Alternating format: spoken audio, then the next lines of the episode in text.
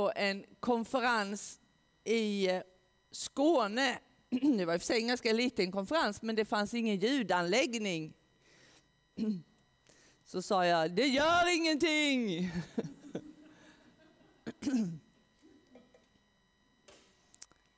Men jag var lite hes efteråt. Eh, ska jag bara börja eller? Jag bara börjar. Vad roligt att ni blev några som vill eh, lyssna på fortsättningen av eh, ehm, predikan. Och då kommer jag alltså att tala om över rubriken Människor och samhällen förvandlade av Jesus. För grejen är att det är ju inte något som är omöjligt eller som aldrig har hänt i historien, utan det är möjligt. Och eh, när vi lekte med den rubriken så ehm, innan vi landade i just den formuleringen, människor och samhällen förvandlade av Jesus, så sa vi liv och länder förvandlade av Jesus. Men så sa vi det kanske är svårt för det lokala sammanhanget att känna för länder, man vill känna för sitt lite mer nära. Men tänk att nationer har förändrats i spåren av Jesus Kristus under de årtusenden som har gått. Jag tänkte att jag ska börja med att vi ska stanna upp lite i vårt nu. Och jag ska först teckna en lite dyster bild av vårt nuläge i Sverige för att sen komma in på den Eh, de möjligheter vi har och eh, vad Jesus kan göra. Ehm, jag upplever, och säkert fler med mig, att de sista årens samhällsförändringar har skapat en större oro. Eh, I både i oss och i vårt land generellt. Jag är född 1970 du kan ni räkna ut, jag är 53 år. Någon börjar sitta och tänka, undrar hur gammal hon är. Ja, då kan jag berätta det direkt. Jag är 53 år. Man kan säga att jag var ung på 80-talet. Och då trodde vi att allt var möjligt. Eh, vi hade inte internet, men eh, ja, Utblicken för oss alla var kanske inte enorm. Jag vet att jag drömde om, tänk om jag kunde åka till USA. Jag hörde, hade hört talas om någon som hade åkt till USA och pluggat, så tänkte jag undra hur man gjorde det. Hur får man sådana kontakter? Det, så litet var Örkelljunga där jag bodde att jag inte kände någon direkt som hade gjort de där stora resorna. Men vi var väldigt positiva i vår syn på framtiden. Och många unga idag upplever inte samma positiva framtidstro. Härom, eh, för ett par veckor sedan när jag skulle börja igen, alltså jag bor i Småland i ett litet samhälle som heter Rydaholm och så har jag mitt kontor i Uppsala och det är ungefär sex timmars resa dit med tåg och jag åker måndag morgon och kommer oftast hem fredag kväll. Och så bor jag på Johannelunds elevhem när jag är där uppe i veckorna. Och då åker jag genom Stockholm och min dotter hon var lite orolig med anledning av att polisen säger att det är ny tid och även säkerhetsläget. Om man ska se sig omkring om man hittar något ovanligt. Så hon skickar en TikTok till mig att man ska vara uppmärksam i lokaltrafiken. Eh, tänk om någon hade sagt det till mig för tio år sedan att när du åker igenom Stockholm, åker i tunnelbanan, så ska du se dig omkring om du hittar något ovanligt, för det kan vara farligt att vara där. Och jag tittar mig omkring och jag är från landet, jag tycker allting är farligt. Ja, jag har inte ringt polisen. För några år sedan så började vi tala om miljöfrågorna på ett nytt sätt. Vi började tala om krisen i miljön. Eh, de stora plastbergen, hur det ser ut i haven. Det är som att det kommer upp på en medveten nivå för oss allihopa. Det går inte att blunda för klimatet längre. Och sen kommer kriser på kriser. Därefter kanske den stora är corona Och på ett sätt så, även om det är nu, så känns det ändå som att det är ganska länge sedan. Men den generationen, eller de som gick ut gymnasiet då, under covid, som eh, hade drömt om hela sin gymnasietid, att de ska springa ut och möta familjen, så blev det inte så. Istället kanske man miste anhöriga och man hade sorg. För de som till exempel våran dotter som skulle börja på universitetet och sett fram emot ett nytt spännande kapitel i livet sitter på 23 kvadrat i tre år och läser sin utbildning. Och många fick sina drömmar krossade.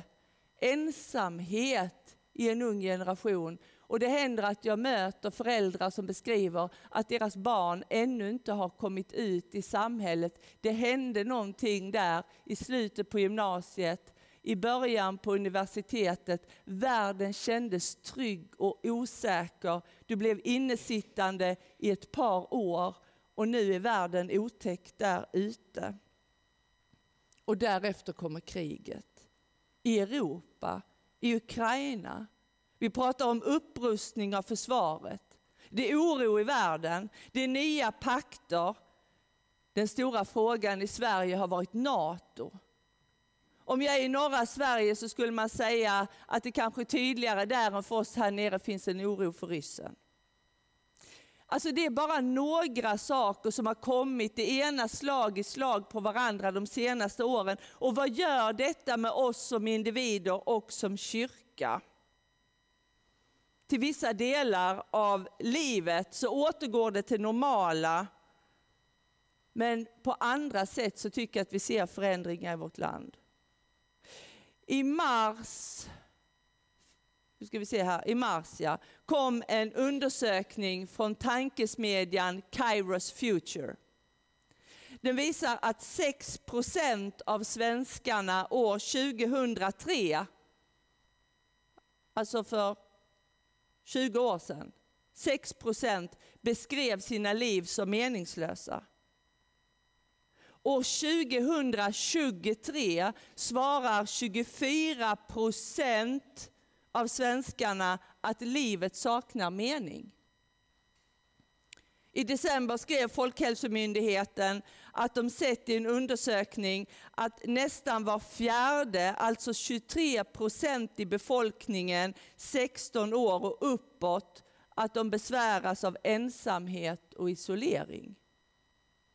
Och sen så skiljer det sig åt mellan olika åldersgrupper. Och då så en av tre unga vuxna alltså 16 till 29 år, uppger att de besväras av ensamhet och isolering. En av tre.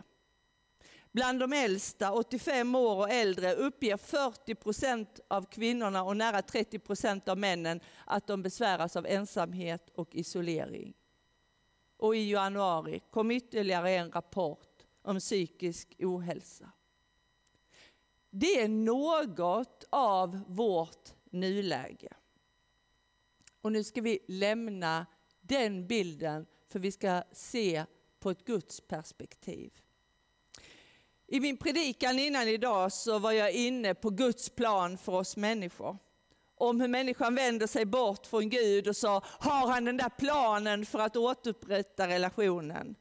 Och så var jag inne på det där med Mose och att folket var slavar i Egypten. Och jag tänkte då, eftersom jag är så tagen av Moseberättelserna från sommaren här, så tänkte jag att jag skulle ta med er till Andra Mosebok kapitel 3, vers 7 till 8. Det är nämligen så att när eh, folket är kvar i Egypten så börjar Gud kalla på en man som heter Mose. Och då så säger Herren så här, jag har sett hur mitt folk plågas i Egypten. Jag har hört deras klagorop över sina slavdrivare. Ja, jag vet vad de får lida. Därför har jag stigit ner för att befria dem. Och så utser Gud den här mannen Mose och många saker händer och det blev verkligen inte i ett första skede lättare för Israels folk. Och Mose blev väldigt upprörd och besviken på Gud. Och då kommer vi till andra Mosebok 5. Och i vers 22 så står det så här.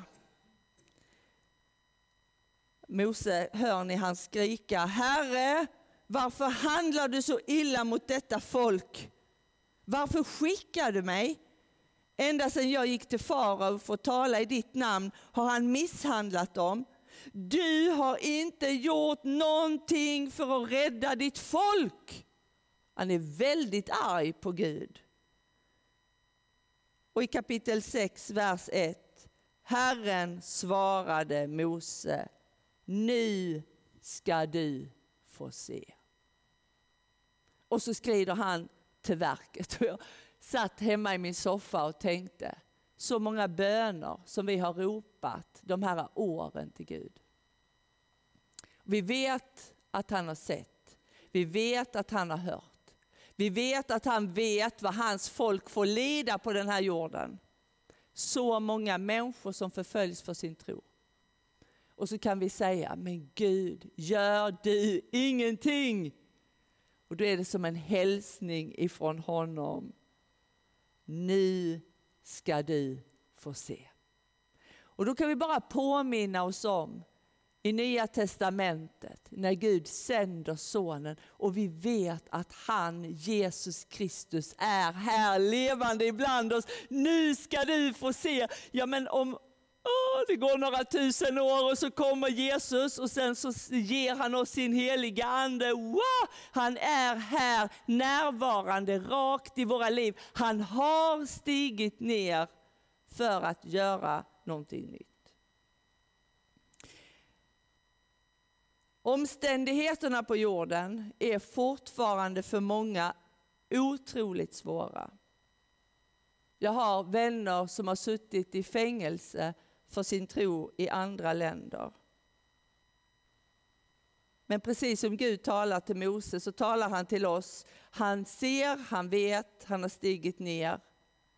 Och därför tänker jag, tänk om vår bön som kyrka kunde vara Gud, gör mig seende för ditt skeende. Det kristna hoppet är att Jesus Kristus kan i varje tid bryta in och förändra. Till och med ur det som ser ut som dött kan han skapa liv. Så vi behöver repa mod som kyrka och tänka att det som är Sveriges nuläge, det behöver inte vara vår framtid. Den psykiska ohälsan, meningslösheten, krigen, vad det än är, kan förändras därför att vi har en Gud som har gett oss uppdraget att vara hans händer här på denna jorden. Visst är det fantastiskt? Vi är hans kropp. Snacka om att han är närvarande på den här jorden. Den här eh, sommaren har varit vår första sommar med växthus och gillar man odling så är det toppet. Det är synd om alla som följer mig på sociala medier för det har blivit många tomater där. Min andliga vägledare uppmanade mig att lyssna in i sommaren, in i odlingarna och fråga mig vad säger Gud? Så jag har gått där hemma hela sommaren och hållit på med mina frö. Och så har jag tänkt, säger Gud någonting i det här? Och han säger en väldig massa saker. Och en av de saker jag upplevt som han har talat till mig om, det är att ur det lilla, lilla, lilla fröet som jag stoppar i jorden så växer enorma plantor fram. Jag har fått tomater som är lika stora som mina händer. Då säger någon, det var ju för att du sådde en bifftomat. Ja, och det är i och för sig sant.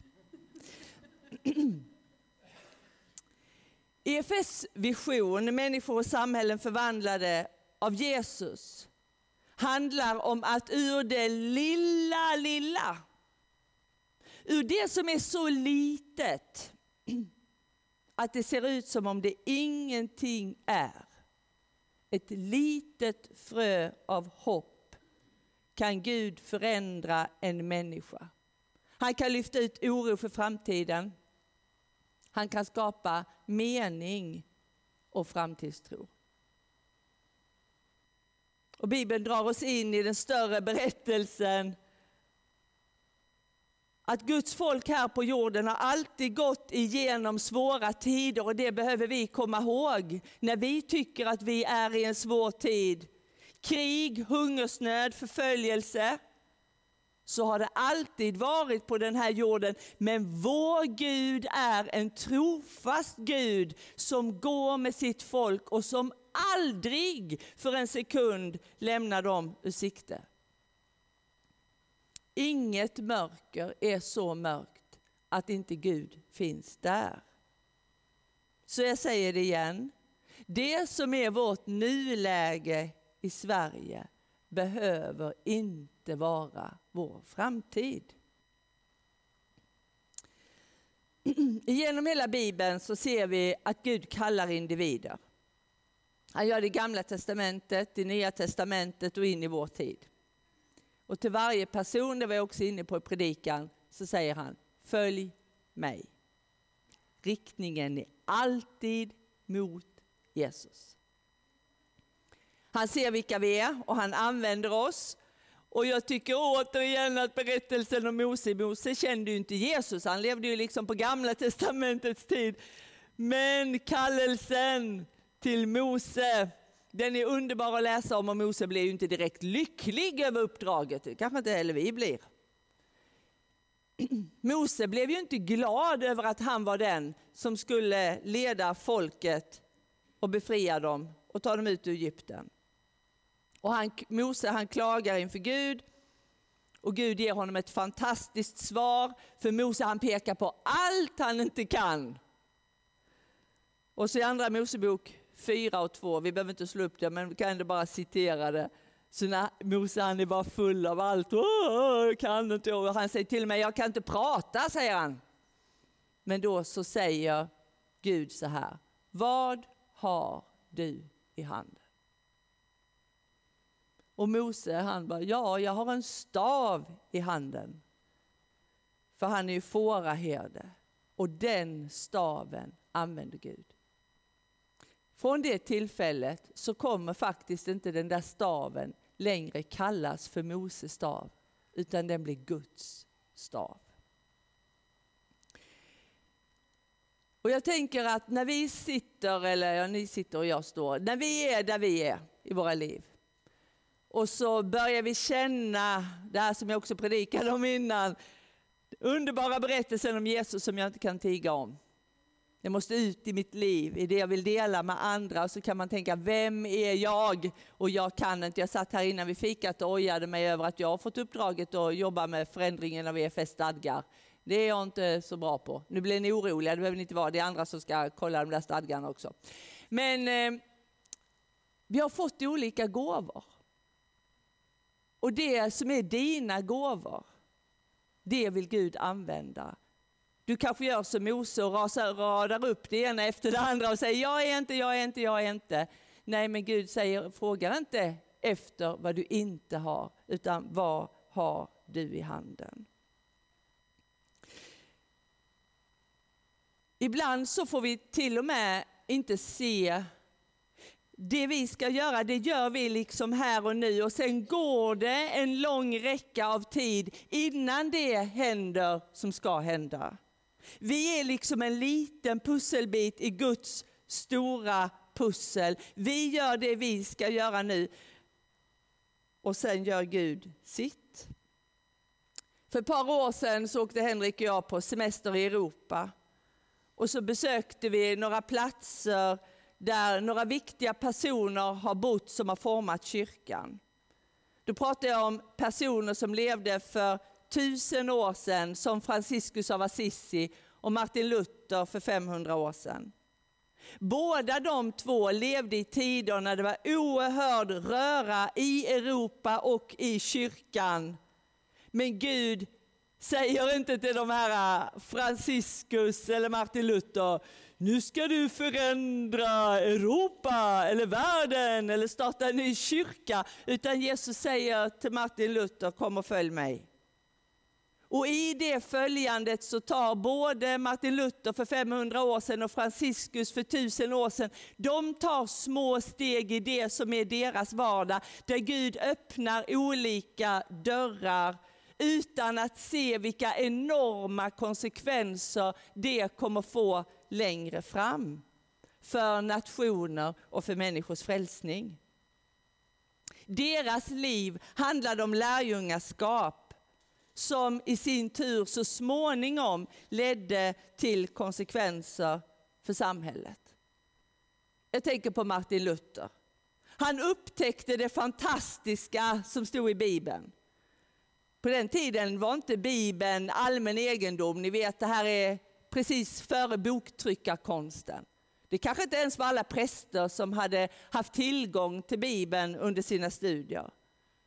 Och så börjar Martin Luther läsa och så upptäcker han glädjen över evangeliet och så känner han, det här måste ju alla få del av.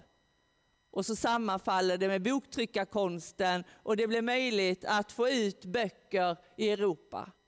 Men då visade det sig att kunskapsnivån över att kunna läsa, den är katastrofalt dålig. Och eh, även om böcker kommer ut så kan de inte läsa.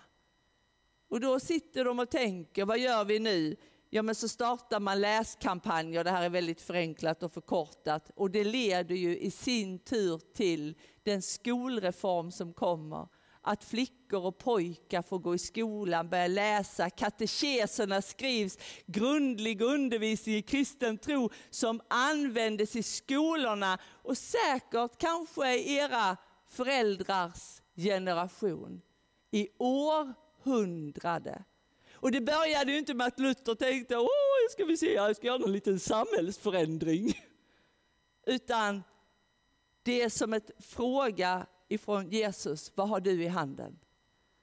Och med hans gåvor och de tankar han får, han kliver in i de öppna dörrar. Han lever ett liv i efterföljelse. Han är beroende av Gud. Han har en blick att se och han har ett mod att agera. Det finns många berättelser om vad som händer när människor blir berörda av Jesus och vilken inverkan de får på samhället. Och jag kan inte låta bli att dela några mer. Förra sommaren så åkte Henrik och jag på en fantastisk semester upp till Norrbotten och Västerbotten. Och då kommer vi till en liten by i Vilhelmina församling som heter Fatmomacke. Har någon av er varit där? Ja, har ni varit inne på museet också i Fatmomacke? Ja, du, nej, har ni inte. Då ska jag berätta om vad som står där. Fatmomacke, det, är en, eh, det ligger i, i Sameland. Det är ett stort fjäll i närheten som heter Marsfjället. Och eh, där finns det idag vad man kan kalla en liten kyrkby, men den består av kåtor. Och då var vi inne i museet och läste den fantastiska berättelsen om samekvinnan Margareta. Hon lever på 1300-talet uppe i fjällen med renarna och så börjar hon få syner och uppenbarelser från Gud. Och så får hon en nöd för sitt folk och så tänker hon samerna behöver höra evangeliet om Jesus Kristus. Och då går Margareta ner till unionsdrottningen, som också heter Margareta. Och så vädjar hon till unionsdrottningen att hon ska ta sig an samernas omvändelse. Tänk att gå som ensam kvinna från Vilhelmina ner till Skåne för att vädja till drottningen för samernas omvändelse. Historien berättar inte jättemycket om Margareta. Eh, vi vet inte hur hon blir mottagen av drottningen, men vi vet att Gud börjar verka och väckelsen kommer över samerna. Väckelsen kommer så småningom till Fatmomacke. På 1700-talet byggs den här kyrkstaden, men det hon får kallelsen på 1300-talet. 13, 14, 15, 16, 17. Det är ett tag. Från fröet sås till Gud börjar tala i uppenbarelser och drömmar, till den där kyrkstaden byggs, till människor börjar strömma dit, kyrkliga helger, undervisning, kristen tro och fördjupning. Också på den platsen i Fatmomak. jag vill inspirera er som inte varit där och åka dit, så bygger Lapplisa en kåta för Lapplisa var från Fatmomak, jag vet inte om ni har talat om henne, hon som sjunger barnatro till himmelen, du är en gyllene bro. Henrik och jag var där och sången är uppskriven på väggarna och det är bara vi i kåtan så då sjunger vi den själva. Gud hade berört Margareta. Hon gav inte upp om sitt folk. Hon gjorde det hon hade fått på sitt hjärta och vi vet att många samer på grund av henne och hennes böner och säkert andras böner fick en genomgripande väckelse. Och så sitter vi där förra sommaren och så ringer kyrkklockorna och så samlas vi, vi var en massa EFS-are där och lite annat. Pingstvänner och EFK-are och vi hade jättetrevligt vid kyrkkaffet. Och så möts vi där, också lokalbefolkning. Och så tänker jag, på den här platsen har man längtat efter Gud i alla dessa år och han har varit här och han har berört. Och så söndag efter söndag så fortsätter klockorna att kalla till gudstjänst och Guds ord bär ut. Människor och samhällen förvandlade av Jesus. Jag är också lite upptagen i min hjärna av kungahuset och nu passar ju det bra när kungen firar 50 år på tronen. För ett tag sedan hade vi en kung som hette Oscar den andra och han hade en syster som hette prinsessan Eugenie. Prinsessan Eugenie, det här sammanfaller i historien runt 1850-talet. Så får hon en ny hovdam och hovdamen var en del av väckelsens folk som rörde sig kring en kyrka i Stockholm som heter Blasieholmskyrkan där en av EFS kan vi kalla grundare eller förebilder Karl Olof Rosenius fanns. Första kvällen på jobbet så säger hovdamen till prinsessan, Tycker inte du att vi ska börja ha aftonbön? Och prinsessan blev lite chockad över hovdamens eh, eh, frimodiga förslag. Och så säger hon, vad innebär det? Och så berättar hon att det handlar om att läsa Bibeln och be tillsammans. Och prinsessan Eugenie hade redan som ung under sin konfirmation upplevt någon typ av längtan efter Gud, men hon visste inte hur hon skulle finna honom. Och den här hovdamen, hon börjar sin aftonbön med prinsessan och prinsessan blir en djupt och varmt troende människa. Det berättas att den typ första telefonen, eller vad man ska säga, fanns i hennes vardagsrum. Hon, hon var eh, väldigt, ofta väldigt sjuk, så hon har en soffa i sitt vardagsrum och därifrån går det en lur med ett rör rakt upp i talarstolen till Slottskyrkan. Så de dagar hon var för sjuk för att gå till kyrkan så kunde hon sitta i sin soffa för hon ville höra Guds ord. Och den kvinnan, prinsessan Eugenie tillsammans med drottning Sofia, de blir också en stor del i väckelsen som sker bland samerna på Nordkalotten. För de startar Lappska missionens vänner. Och där är EFS idag för övrigt. Och vi håller på att återupptäcka våra rötter och gräva i de gamla arkiven. Och det har startats en ny förening som heter Nordsapmi. Vi tror att vi har ett arv som vi ännu inte har utforskat. En hovdam, en av väckelsens folk som älskar Jesus. Hon gör inget annat, hon tänker inte, oh, hur kan jag förändra kungahuset? Hon går bara precis i den dörr som Gud öppnar för henne. Jag tänkte berätta för er om en av mina vänner som bor i Indien. Hon heter Stuti Sontake och hon kommer hit till Sverige i november. Hon är pastor i en, eh, Eh, eller hon är präst i en stad och eh, hon har många nyplanteringar runt omkring den där staden. En av eh, kvinnorna i hennes team kom för, ja, vad kan det nu vara, ett par år sedan till henne och så berättar hon om den by där hon kommer ifrån och där hennes föräldrar bor. Så säger hon till sin präst Stuti, i vår by så är det det finns mycket rädsla och fruktan, mycket kidnappningar. Man tar människor, man eh, kidnappar dem, man eh, tar deras organ, och, ni vet organhandel och lämnar dem sen och dö. Det fanns också mycket häxkraft i den här byn. Så ehm, då så säger inte Stuti, det var ju obehagligt, dit åker vi inte. Utan Stuti hon tar sitt team med evangelister och bedjare och lovsångare och packar in i minibussen och åker ut till den här byn. Och så tar de ett kors och så trycker de det i marken och så proklamerar de frihet i Jesu namn. Jag var där för några år sedan och då hade de byggt sin första kyrka. Den såg mer ut som, tänk dig ett stall med en ko och en åsna utanför i halmen och så var det trångt och litet. Men människor hade börjat komma till tro. Fruktan var borta. Kidnappningarna hade upphört. Häxkraften var försvunnen. Och nu började människor orientera sig till Jesus. Så var jag där i februari igen hos Stuti. Så sa jag, hur går det? Det går bra, sa hon. Vi har fått en mark. Eh, vi har fått en bit land. Vi har byggt en stor kyrka. Arbetet fortsätter. Människor lär känna Jesus. Människor och samhällen förvandlade av Jesus. En kvinna, det började så, i den här byn går till sin präst och säger vi har problem. Prästen säger, för Gud är inget omöjligt. Och så förändrar sig det samhället. Vad vill jag säga genom alla de här berättelserna? Det finns ett nuläge där du och jag bor. Det finns ett gäng individer, ni som är här i er kyrka. Vilka är ni? Vilka gåvor har ni fått? Hur ser er stav i handen ut? Det finns några frågor man skulle kunna svara på. Vad ser ni? Vad är ert nuläge?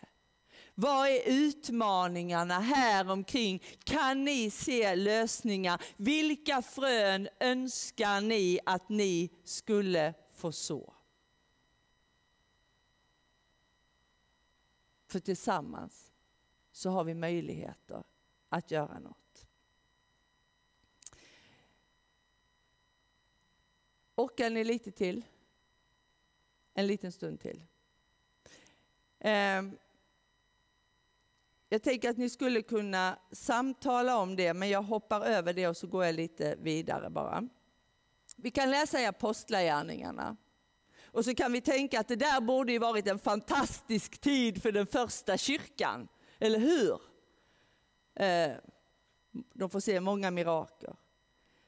Men ärligt talat när vi läser i Apostlagärningarna så ser vi att även den kyrkan växte fram i en tid med enorma spänningar i samhället och de kristna led svår förföljelse, till och med att de kastades inför lejonen. Man miste, triv, äh, eh, miste livet för sin tros skull. Och när jag läser apostlagärningarna så ser jag ett gäng personer som är både rädda och ängsliga. Men de brinner av ett budskap om en kärleksfull Gud och det budskapet måste berättas. Och när de har varit med om något hemskt, eh, ni får läsa själva i början på apostlagärningarna, så ropar de till Gud. De samlas och ropar till Gud. Och vad ber de om? De ber om frimodighet och sen går de ut och predikar vidare. Och jag tror att de darrade i knävecken, men de fortsatte sin uppgift därför att de var drabbade av Guds kärlek till en värld som lider och som de vet att bara Gud kan hela. Så att vi är ängsliga att du, där du är, sitter och funderar på Ja, men jag är inte sådär modig. Jag är ingen Luther, jag är ingen Margareta, jag är ingen Stuti. Jag är bara jag. Men det är ju precis det som är poängen, att vi är de vi är. Och med det som är vår rädsla så får vi bära fram den till Gud och så får vi säga, du vet att jag tycker det här är lite jobbigt att dela berättelsen om dig. Men ge mig mod att gå fast att det kan kännas obekvämt. Kyrkan, det nämnde jag också i predikan. Jag tror att vi är kallade till att vara ett vandringsfolk därför att vi har ett mål i sikte som är större än våra hobbys och våra semesterplaner. Och på vår vandring genom livet så vill vi få andra att gå med och så får vi säga till andra, kom med på vandringen mot det stora målet. Och så nu när vi är här så får vi leva med ett hopp om framtiden, med tro och kärlek och medvetenhet om att Gud, han som skapar livet, han som är världsalltets uppehållare, han är den som går med oss. Så budskapet från Jesus, och som vi ser i den första kyrkan, som vi läser om i Apostlagärningarna, säger samma sak till oss. Och då handlar det om att som Guds folk ska vi ständigt bryta upp. De här orden har jag tittat på själv, de har jag lånat av Agne Norlander, ni som känner honom. Ständigt bryta upp, det betyder vara redo. När Jesus säger följ mig, då säger jag yes, I'm coming. Eller så gör jag det med lite mer nervositet. Det känns lite obehagligt och du vet jag kan ju inte prata och precis som Mose vi har alla våra... Mm. Men okej okay då, jag kommer väl då. Ständigt bryta upp, ständigt bryta gränser. Att se hur evangeliet kan delas i varje tid till människor och till folk och ständigt nya situationer. Det betyder att våga gå in i det okända. Jag vill säga att de sista 60 åren har varit missionens stora segertåg över världen trots enorm förföljelse så skrivs det idag en fortsättning på apostlagärningarna. Och har du tänkt på dig själv att du är med, du tillhör den stora globala berättelsen om Guds framgång. Det är kyrkan idag. Jag besökte Mekanesekyrkan i Etiopien i februari. De är 11 miljoner aktiva medlemmar. De fanns inte ens i början på 50-talet. Vi har Lutherska kyrkan i Tanzania, det vet du Ulla, men jag tror att man säger att Lutherska kyrkan i Tanzania är typ 7 miljoner aktiva medlemmar. Det sägs att det finns flera miljoner kristna i Iran. Ingen vet eftersom det är förbjudet att vara kristen. Men du och jag här i Kornhillskyrkan, vi tillhör den globala berättelsen om Guds framgång. Nu skrivs fortsättningen på Apostlagärningarna. Så Jesus kallar oss till något mer än att sitta hemma i soffan. Han kallar oss till ett spännande äventyr med honom. Och jag tror att jag ska sluta där. För eh, sen så kan man fundera på, jag kan säga en sak till då. Bara något enkelt du kan göra. För då eh, sitter du här och undrar, okej, okay, men nu vet jag inte vad jag ska göra. Då, då ska du få en, två, tre, fyra, fem, fem punkter av mig. Ett, välj ut en vän.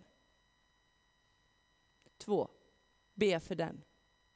Tre, fördjupa er relation. Fyra, när du har möjlighet, säg något om Jesus. Då menar jag inte att du ska predika. Fem, fråga den vännen Om den kanske vill vara med i en smågrupp, gå på alfa som ni ska börja med här, följa med till kyrkan eller vad det nu kan vara.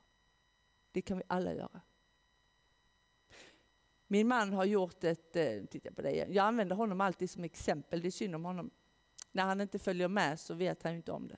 Han har gjort ett eh, kors i trä som står i vårt vardagsrumsfönster. Och det är massa hål borrat i det korset och där har vi små träpluggar som vi pluppar i. Och de symboliserar de här plupparna olika personer. Så vi har en plats, central plats i vardagsrummet som påminner oss om vår förbön för människor. Du kan sätta en lapp på ditt kylskåp eller någonting. Men välj ut en vän och be för den och fördjupa er relation. Och när du har möjlighet, säg något om Jesus och fråga den sen om den kanske vill gå på Alfa. Eller något annat. Det gör han. Vår Gud är stor. Och om vi, ni vet det står så här Jesus säger när vi ber, om vi ber om någonting som är i enlighet med hans vilja, då får vi det vi ber om. Är det hans vilja att människor ska komma till tro? Ja. Så om vi ber, Jesus använd mig. Använd mig. Varje morgon. Här är jag Jesus. Använd mig. Sen kanske inte du alltid får se. Det fick inte Margareta i Fatmomacke. Det är inte ditt problem. Du säger bara använd mig. Använd mig. Och jag lovar dig att ditt liv kommer att bli så spännande. Ska vi be? Tack Jesus att du kallar människor att följa dig.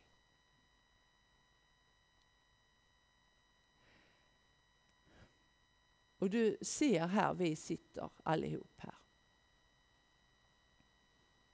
Och en del kanske känner, men jag, jag kan ju inte och jag har inget. Då påminner du oss om vad vi har i vår hand. Och det lägger vi fram inför dig nu Jesus. Det som är vår stav. Det som är våra gåvor, det vi har fått att förvalta, det som är våra liv, våra tillgångar. Jesus brukar det. Bruka oss. Och så ser du det som är vårt nuläge. Du ser vår oro för vårt land. Vi ber att vi skulle drabbas av din blick. Att vi skulle se igenom, att vi skulle se möjligheter, att vi skulle se med dina ögon. Att du säger att allt är möjligt. Och vi tackar dig för att du är historien. Du har förändrat och förvandlat den ena platsen efter den andra. Och därför ropar vi till dig, kom och gör det igen. Kom och gör det med den här staden, med samhällena här omkring, med samhället där vi bor.